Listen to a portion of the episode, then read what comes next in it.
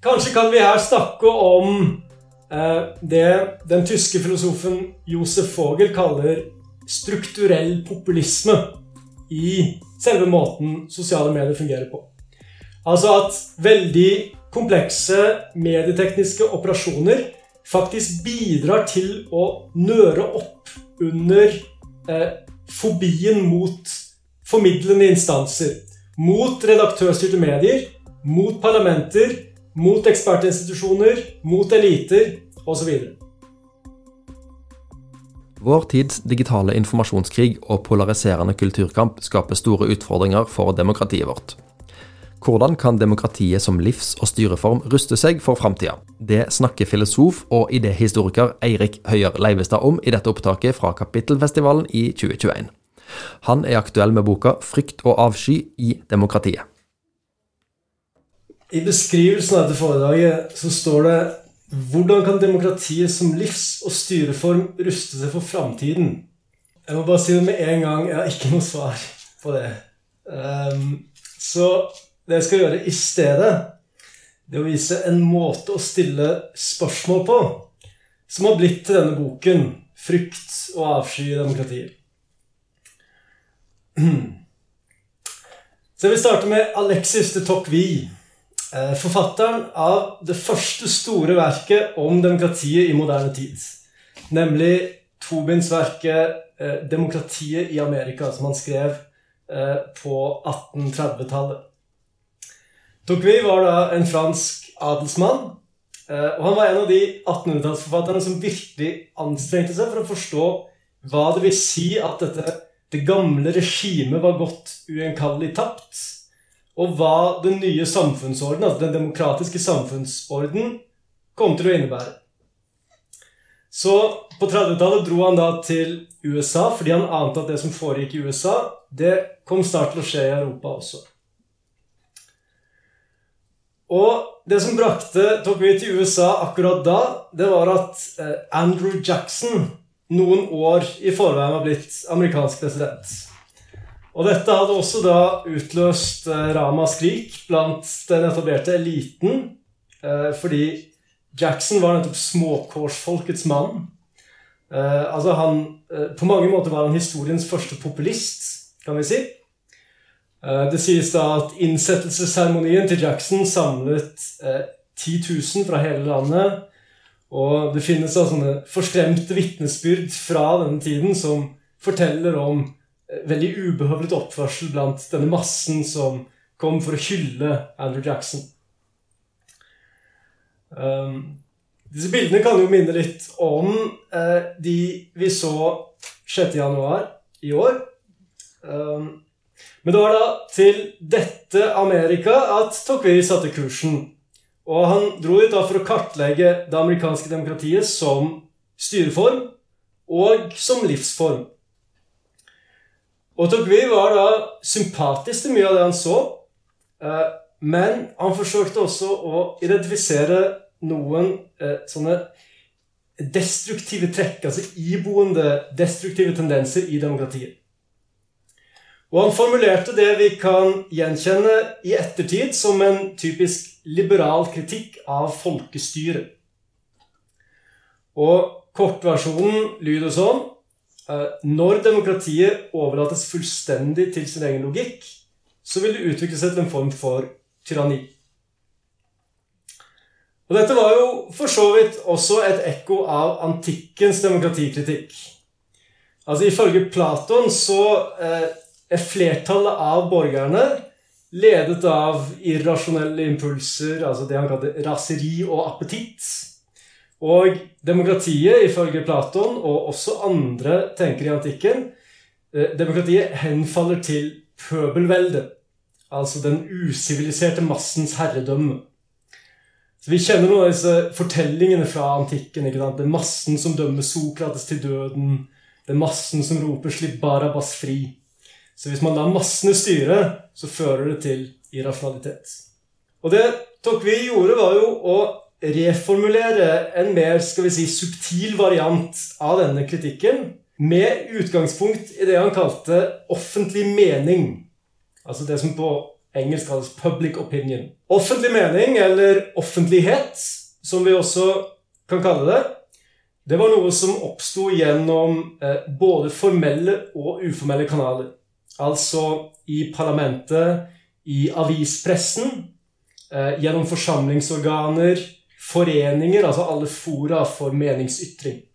Og ifølge Tocqueville så eh, fører da offentlig mening til et slags anonymt konformitetspress. Eh, vil si at hver enkelt bøyer seg for rådende oppfatninger av frykt for å bli utstøtt av de andre. Eh, Tokvi sitt berømte navn på denne dynamikken det var flertallstyranniet. Og denne ideen om flertallstyranniet den manet jo frem dette bildet av individet som oppløses eller går tapt i massen. Altså Tanken er at institusjonaliseringen av likhet, altså det vi kan forstå som demokrati, institusjonaliseringen av likhet, eh, ledsages av en, en form for forflatning. Altså at alle så å si blir én masse. Altså En variant av denne ideen ble jo da også formulert av Søren Kirkegård. Eh, vi kjenner også en variant av dette hos Henrik Ibsen, som snakker om en kompakte majoritet. Og vi kan høre eh, gjenlyd av denne ideen helt fram til vår egen tid. Så Tocqueville sier at dette er en iboende tendens i demokratiet. Og han peker egentlig ikke på noen veldig tydelige utslag i det USA som han studerer. Men i en fotnote så gjengir han en eh, anekdote som jeg tror illustrerer ganske godt hva han ser for seg når han advarer mot dette flertallstyranniet. Så la meg sitere denne anekdoten. Et slående tilfelle av flertallets tyranni fant sted i Baltimore i 1812. På den tiden var krigen svært populær i Baltimore. Ved å innta motsatt synspunkt i saken hisset en avis på seg innbyggernes vrede. Folket stimlet sammen, ødela trykkepressen og angrep journalistenes hjem. Militsen ble tilkalt, men ingen adlød. Den eneste måten å redde de stakkars mennene fra folkets raseri på, var å kaste dem i fengsel som alminnelige forbrytere. Men selv dette tiltaket var nytteløst. Folket samlet seg igjen i nattens løp. Byens myndigheter gjorde nok et forgjeves forsøk på å tilkalle militsen. Fengselet ble overmannet. En av journalistene ble drept på stedet, mens de andre ble forlatt i døende tilstand. Da saken kom for retten, ble de skyldige frikjent av juryen. Så denne ideen om flertallstyranniet, mobbens styre, pøbelveldet, den løper gjennom veldig mye av den demokratiskeptiske tenkningen på 1800-tallet og 1900-tallet. Både i konservative og liberale varianter. Og vi har hørt den igjen i vår tid. Så mitt utgangspunkt for denne boken, 'Frykt og avsky i demokratiet', det er at Eh, det vi de siste årene har diskutert som demokratiets krise, eh, det har mange paralleller med det man tidligere har diskutert som demokratiets krise. Jeg mener at vi også i vår tid ser gjenkomsten av en del av disse bildene eh, og forestillingene om massen. Så boken nærmer seg da spørsmålet om demokratiets krise i vår tid gjennom en massens idéhistorie. Spørsmålet er da hvilke forestillinger om massen har preget vestlig idédebatt de siste 200 årene? Hvordan har massen blitt en sånn projeksjonsflate for elitenes fordommer og frykt? Men også hvilke dynamikker ser vi i vår tid som reaktualiserer disse bildene av massen? Så det handler da om å gjenoppdage noen spørsmål og problemstillinger fra idéhistorien og reformulere de for vår tid. Og det jeg vil konsentrere meg om akkurat i dag, det er ett av disse spørsmålene. Nemlig spørsmålet hvordan endrer forestillingen om massen seg med medieteknologiske endringer? Det har også sin egen idéhistorie her, kan vi si. Og da også hvordan henger dette sammen med opplevelsen av demokratiets krise? Så dette spørsmålet som jeg nettopp formulerte, altså hvordan endrer forestillingen om massen seg med, med, teknologiske endringer, og hvordan blir massen Altså denne, disse forestillingene om massen knyttet til en idé om demokratiets krise. Eh, vi kan gjenfinne dette allerede i noen diskusjoner rundt det som i Frankrike i siste tredjedel av 1800-tallet ble kalt for massepsykologi. Massepsykologien oppsto da som en konservativ reaksjon på revolusjonære bevegelser i Frankrike, og spesielt i Paris. Her da illustrert ved Pariserkommunen i Paris, altså 1871, hvor radikale arbeidere i et par måneders tid eh, styrte byen Paris. Eh, her har de akkurat eh, revet statuen av Napoleon. Maleren Gustav Courbet er faktisk med i gjengen her. Så en av de som hadde vært i Paris under Pariserkommunen, Gustav Le Bon, forfattet da på slutten av 1800-tallet en avhandling som på temmelig impresjonistisk vis beskrev det han tolket da som folkemassens psykologi. For Le Bon så var massen noe som kunne oppstå når individer var samlet og plutselig ble revet med i samme retning. Så massen var da et kollektiv styrt av impulser utenfor de individuelle viljenes kontroll, kan vi si. Så det er bare en masse som kan storme et palass, det er bare en masse som kan plyndre butikker. Enkeltvis så vil vi aldri drømme om det. Men massen kan gjøre det. Så en masse er preget av suggesjon, av en smittedynamikk, affekter som løper løpsk. Det er som en kjempe med barnehode, styrt av følelser, reflekser og hysteri. Dette var da typisk for massepsykologien med Le Bon i spissen. Så det vi da gjerne kaller demokratisering, det vi vil forstå som demokratisering på 1800-tallet, det fremsto for Le Bon som en institusjonalisering av massedynamikk. Som for han da var ensbetydende med å la irrasjonaliteten råde. Så han mente at parlamentene var en institusjonalisering av massedynamikk. Eh, han mente at avisoffentligheten var en institusjonalisering av massedynamikk. Fordi at Avisene konkurrerte om lesere, og da hadde de en tendens til å bli rene gjenspeilinger av massenes stemninger. Så her ser vi jo da igjen denne tanken til Tocqueville om at offentlighet og masse egentlig er det samme. Altså at offentlighet rommer en sånn iboende massedynamikk. En annen representant for massepsykologien på 1800-tallet i Frankrike, Gabriel Tard, han kom med en kritisk bemerkning mot Gustav Le Bon. Tard sa det at eh, moderne tid har gitt opphav til et annet fenomen enn massen, nemlig offentlighet. Altså Offentlighet må forstås som en annen form for gruppedannelse enn denne massen som spontant oppstår når mennesker blir revet med av en felles stemning eller en felles impuls. Så Tard trekker da et skille mellom fysiske folkemasser på den ene siden og offentlig mening, offentlighet, på den andre siden. Og han sier at det moderne demokratiet ville ikke ha eksistert uten meningsdannelse som foregår gjennom en ekspanderende offentlighet av lesere. Først og fremst da gjennom avispressen. Så Tard skriver da følgende Jeg kan derfor ikke si meg enig med den energiske forfatteren dr. Le Bon om at vi lever i massenes tidsalder. Vi lever i offentlighetens, eller offentlighetenes, tidsalder. Og det er noe ganske annet. Så en offentlighet er et fellesskap holdt sammen av oppfatninger formidlet gjennom pressen, heller enn av fysisk kontakt mellom mennesker. Så jeg siterer Tard igjen. Båndet ligger i deres samtidige overbevisning eller lidenskap samt bevisstheten om på samme tid å dele en idé eller vilje med et stort antall andre mennesker. Så dette skillet som tar trekket mellom masse og offentlighet, det passet jo også sammen med en forestilling om at sivilisasjonen gjør, gjør, fremskritt.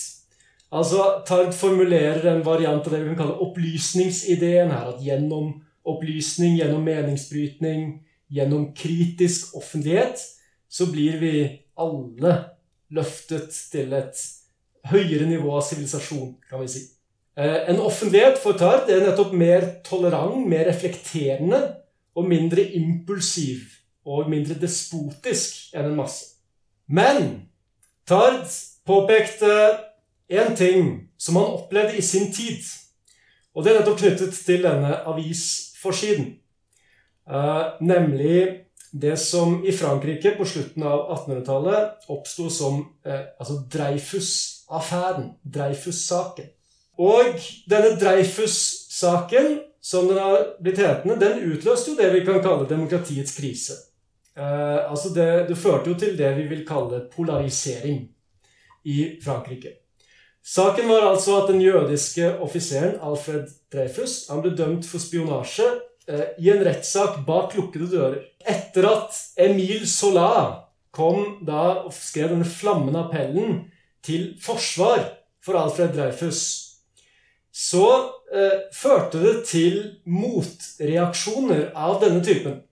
Dette er da eh, et organ som het eh, La Libre Parole, eh, som var virkelig eh, Hadde en veldig stor rolle i denne Dreyfus-saken når det gjaldt nettopp å gjøre Alfred Dreyfus til eh, altså, skal vi si, symbolet på det vi vil kalle antisemittisme. Tard han opplevde da dette, altså denne eh, at også offentligheten kan henfalle til former for skal vi si massesuggesjon. Eller altså denne Det som ble sett på som det primitive eh, og eh, skal vi si despotiske, det opplevde han også da kunne skje selv gjennom denne avispressen. For Tar så viser denne hendelsen at også offentligheter kan bli til masser og begå en type forbrytelser. Denne redaktøren for Libre Parole, Edouard Romaud, som han het, han hadde da antent sånne diffuse følelser og gitt de et felles uttrykk ved å identifisere et hatobjekt. Tard brukte her faktisk begrepet hatoffentligheter, et begrep som har dukket opp igjen i vår tid. Altså Han skriver det at hatoffentligheter er verre enn en rasende masse. Fordi at offentligheten er mindre blind og mer varig, med et åpent uttrykt raseri som bygges opp og vedlikeholdes over måneder og år. La oss hoppe litt videre i historien. I første verdenskrig så hadde man sett at det lå et enormt potensial i målrettet bruk av informasjonsspredning og kringkasting for å vinne offentlighetens oppslutning. En eh, amerikansk tenker som het eh, Walter Lippman, han utga da en bok i 1922 som het nettopp 'Public Opinion', der han reviderte denne ideen om at offentlighet lar seg forstå som opplysning, altså opplysningsorganer. For Lippmann så var problemet nettopp at offentligheten den er jo nødt til, ta, nødt til å ta stilling til spørsmål som den bare har tilgang til gjennom mediene. Eh, det gjør at den blir særlig utsatt for denne dynamikken som massepsykologien kalte suggesjon. Her dukker da dette spørsmålet om medieteknologi, altså kringkastingsteknologi, massemedier, kan vi si. Dette spørsmålet blir nå knyttet til fenomenet propaganda. Altså det å manipulere massene gjennom eh, bruk av kringkastingsmedier.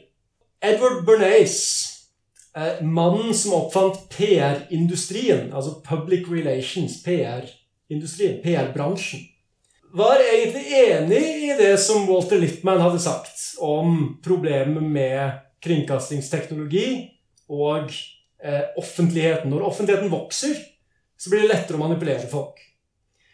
Det var Edward Bernays helt enig i. Han gjorde seg de samme erfaringene i første verdenskrig som de Walter Lippmann hadde gjort. Men for Bernays så hadde ikke propaganda egentlig noen negativ klang eller negative konnotasjoner. Så Bernays var jo da nevøen til Sigmund Freud. Altså Sigmund Freud var Bernays sin onkel. Og Bernays utviklet da denne PR-tenkningen, eh, denne PR-bransjens egne Altså egen intellektuell, altså intellektuelle rammeverket for PR-ideologien, kan vi si. Det utviklet han ved å vise til Gustav Le Bon, altså massepsykologiens tenker, Gustav Le Bon, og Sigmund Freud. Og han mente at de hadde vist at mentale egenskaper på gruppenivå ikke ganske enkelt lar seg utlede fra individets psykologi. Altså, det er noe som Altså, vi må forstå hvordan massen virker. Massedynamikk virker. Og det Bernays ble mest berømt for i mellomkrigstiden, det var jo å, å komme med et sånt reklamestunt som gjorde det attraktivt for kvinner å røyke. Så han brukte da disse innsiktene fra psykologi, massepsykologi, eh, i markedsføring og reklame. Så han ble en reklamemann. En reklamemann som forsøkte da, altså mente at han hadde en sånn intellektuell tilnærming til eh, sin egen virksomhet, altså PR-virksomhet i bred forstand. Men også like etter andre verdenskrig så eh, snakket Bernays om viktigheten av å unngå at disse manipulasjonsteknikkene havnet i gale hender. Så han slo et slag for at man skulle bruke dem til å stabilisere demokratiet. Han snakket om eh, 'engineering of consent', altså enighetens ingeniørkunst. At man skulle aktivt bruke massemediene til å eh, fremme gode demokratiske holdninger. Så dette er altså Det var USA. Eh, men vi kan se på en parallell utvikling i mellomkrigstidens Tyskland. Altså det som eh, vi kjenner som Weimar-tiden, altså mellom, mellom, de to krigene. I Weimar-tiden så ble dette spørsmålet om masser og masseproduksjon og masseunderholdning veldig mye diskutert. Og i den måten man snakket om massen på i Weimar-tiden, så var det ikke nødvendigvis denne rasende bevegelsen eller disse revolusjonære kreftene som man hadde vært så redd for på 1800-tallet, og som Le Bon snakket om. Uh, altså, I Weimar-tidens diskusjoner så fikk massen en uklar betydning, kan vi si, som viste både til fysiske menneskemasser og til massemedienes publikum. Ikke minst da til propagandaens publikum. Det er særlig to Weimar Tids tenkere som reflekterte rundt dette spørsmålet som jeg formulerte, om hvordan medieteknologiske endringer former massene. Og de heter eh, Sigfrid Krakauer og Walter Benjamin. Så for disse to, Sigfrid Krakauer og Walter Benjamin, så var det sånn at eh, altså massens bestanddeler for å si det sånn, massens individer, de mangler bevissthet om eh, helheten de utgjør. Altså at de er en masse. De, er, de, utgjør en masse, men de er ikke klar over at de utgjør en masse. Eh, og for Krakauer så var det da nettopp dette som gjorde massemediene til en slags sånn kontrollinstrumenter.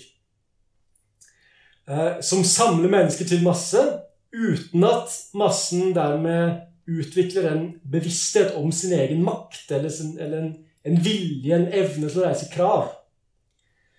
Så Krakauer skrev at denne eh, Altså, den nye tidens allmenne estetiske uttrykk var det han kalte masseornamentet. Altså massen som ornament.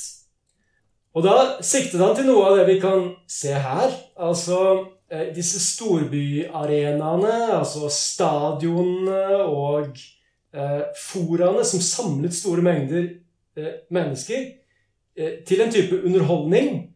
Eh, og underholdningen hadde en tendens til å speile sitt publikum, så å si. Altså, massen kom sammen for å oppleve massen som estetisk ornament. Idrettsarrangementer, koreograferte danseforestillinger Alt dette som ble sett på som en ny type massekultur på den tiden. Så masseornamentet, det var da denne ideen til Krakauer, at det var tidens allmenne estetiske uttrykk. Og Her ser vi én variant av masseornamentet. Men vi kan jo også si at her kommer det en annen variant av masseornamentet, som for Krakauer da var nettopp karakteristisk for denne nye tiden. Altså Vi kan kjenne denne ideen om masseornamentet igjen i fascismen og nasjonalsosialismen. Altså Fascismen ga massene anledning til å oppleve seg sjøl som levende monument. Som en rituell iscenesettelse av folkefellesskapet eller det klasseløse samfunn. Walter Benjamin beskrev da fascismen som en estetisering av politikken.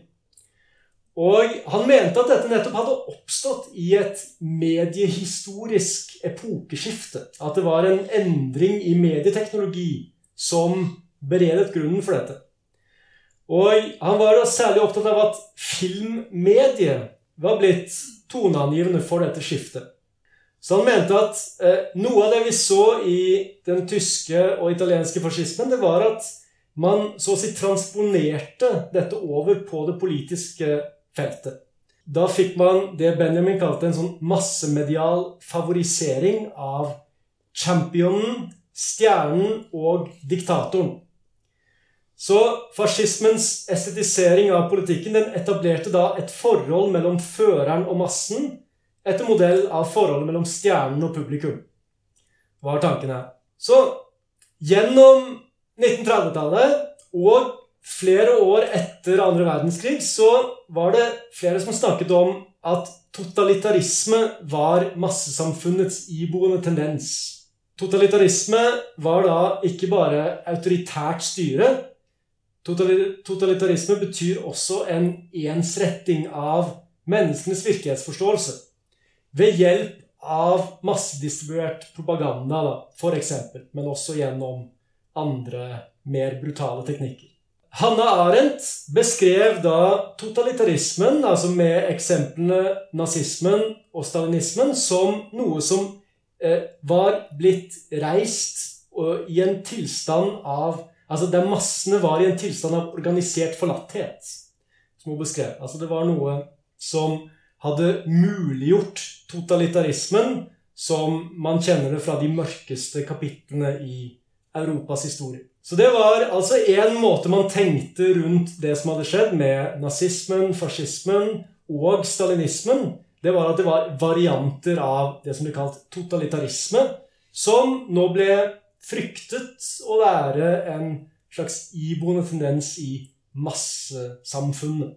Samtidig som noen snakket om totalitarisme, eksemplifisert da med nazismen og stalinismen, så var det en del venstreorienterte tenkere, altså marxistiske tenkere, som mente at det var noe lignende som var i sving i den frie verden.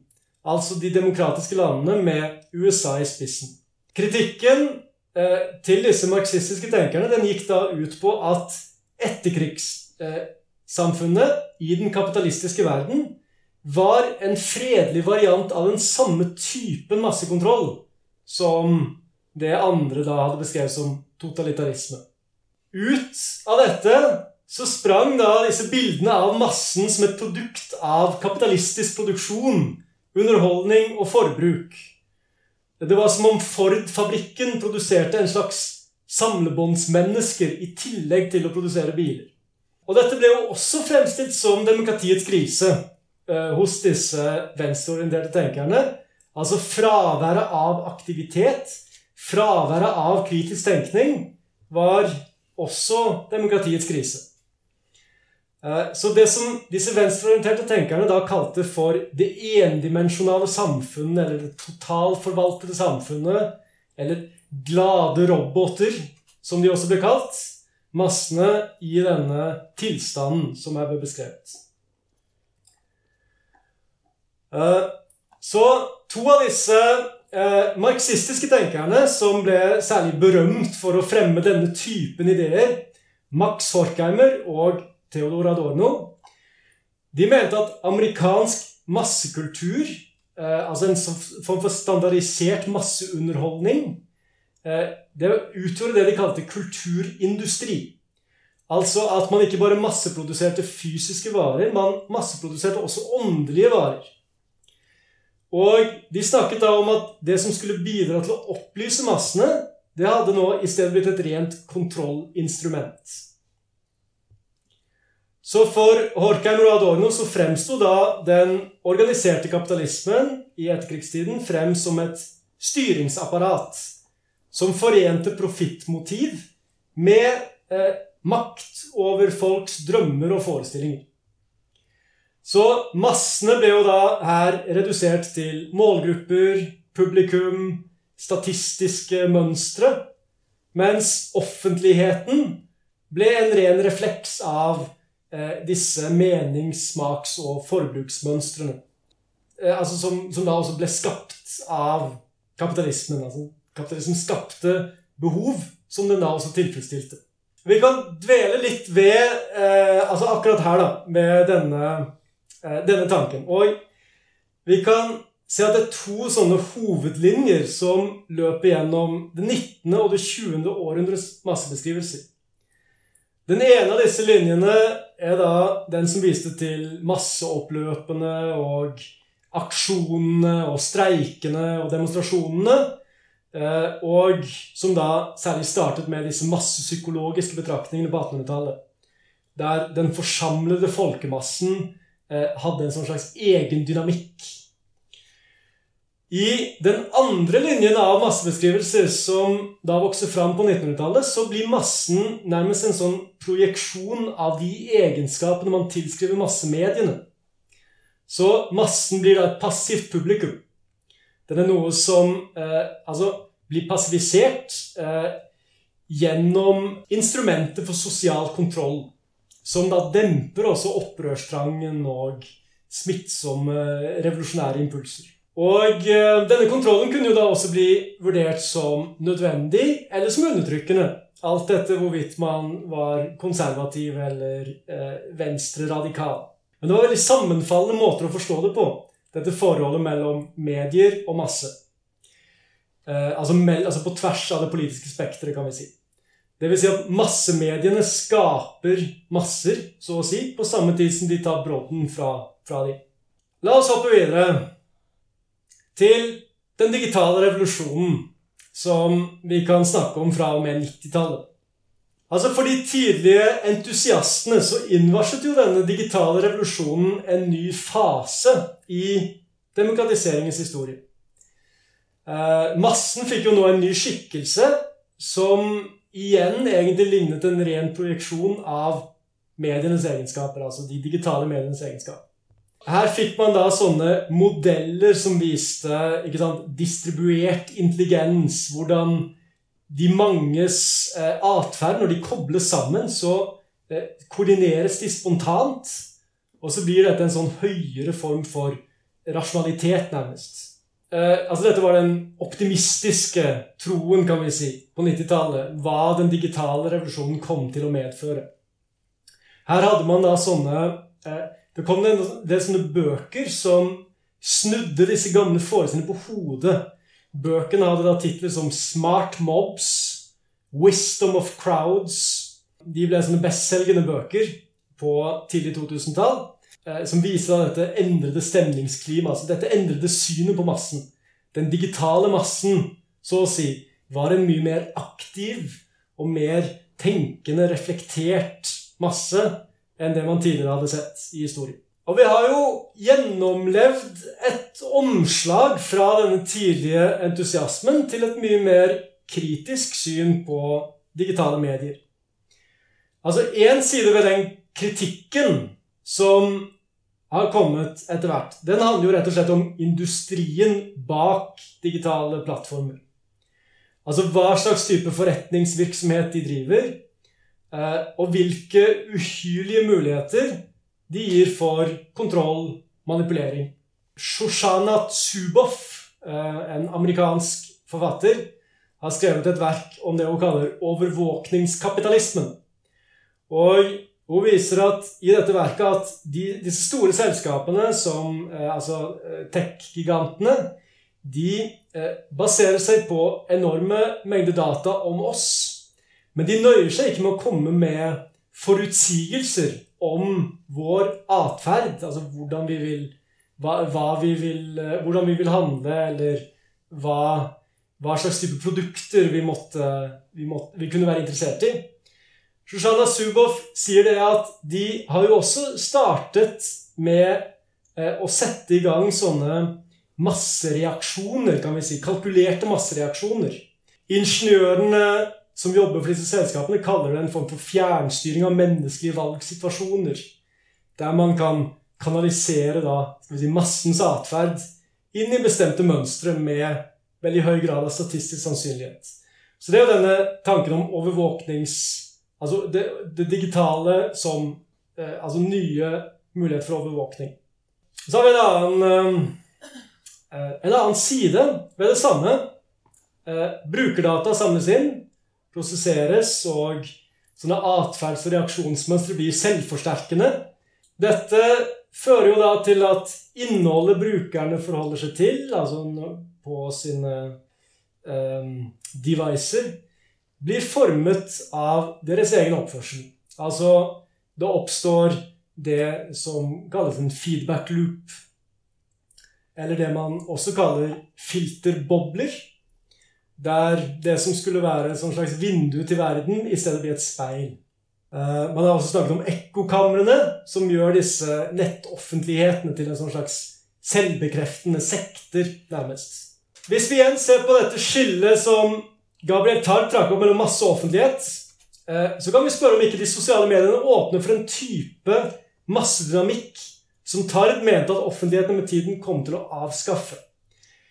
Men denne massedynamikken den fremstår jo da også mer og mer som dataingeniørenes eget verk. Blant annet ble det avslørt i 2014 at Facebook hadde utført såkalte smitteeksperimenter. Og Disse eksperimentene viste at brukernes følelsesmessige tilstand lar seg manipulere ved å filtrere innholdet de forholder seg til. Men det viste også at eh, følelsene eh, altså, blir selvforsterkende. Altså at eh, de skaper sånn selvforsterkende smittelogikk. Etter hvert begynte de jo da å eh, programmere algoritmene for å avstemme innholdet etter følelsesmessige reaksjoner.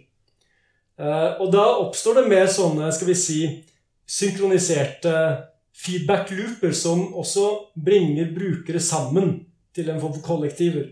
I, revet med i samme retning, litt som massepsykologien tenkte seg dette. Selv om da eh, big tech eh, som Facebook representerer noe som er veldig antidemokratisk, og som gir helt nye muligheter for manipulasjon, så vil jeg hevde at disse plattformene deres samtidig skaper noe som kan beskrives som hyperdemokratisk.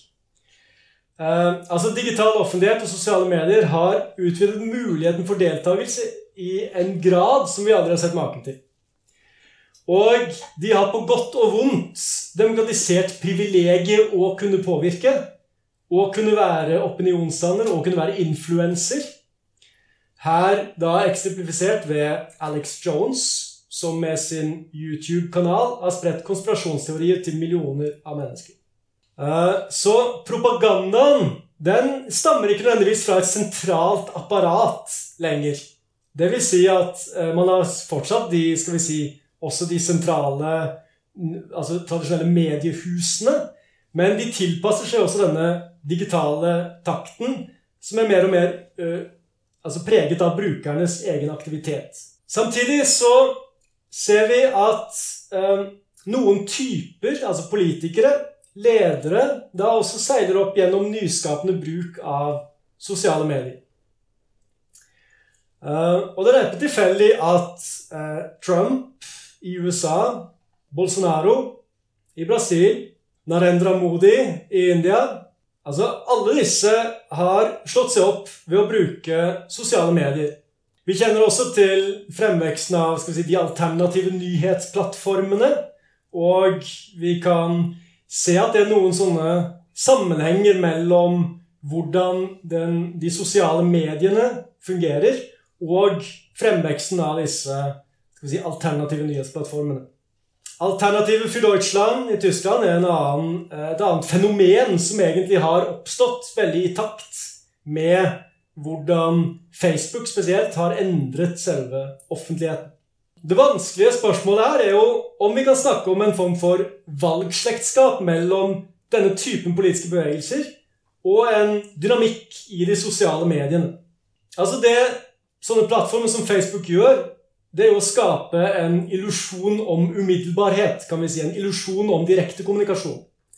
Altså en type kommunikasjon som ikke medieres, som ikke redaktørstyres. Grunnen til at jeg kaller dette en illusjon, det at vi, vi vet jo at disse algoritmene til Facebook aktivt filtrerer og dirigerer informasjonstrafikk. Men kanskje kan vi her snakke om eh, det den tyske filosofen Josef Vogel kaller strukturell populisme i selve måten sosiale medier fungerer på.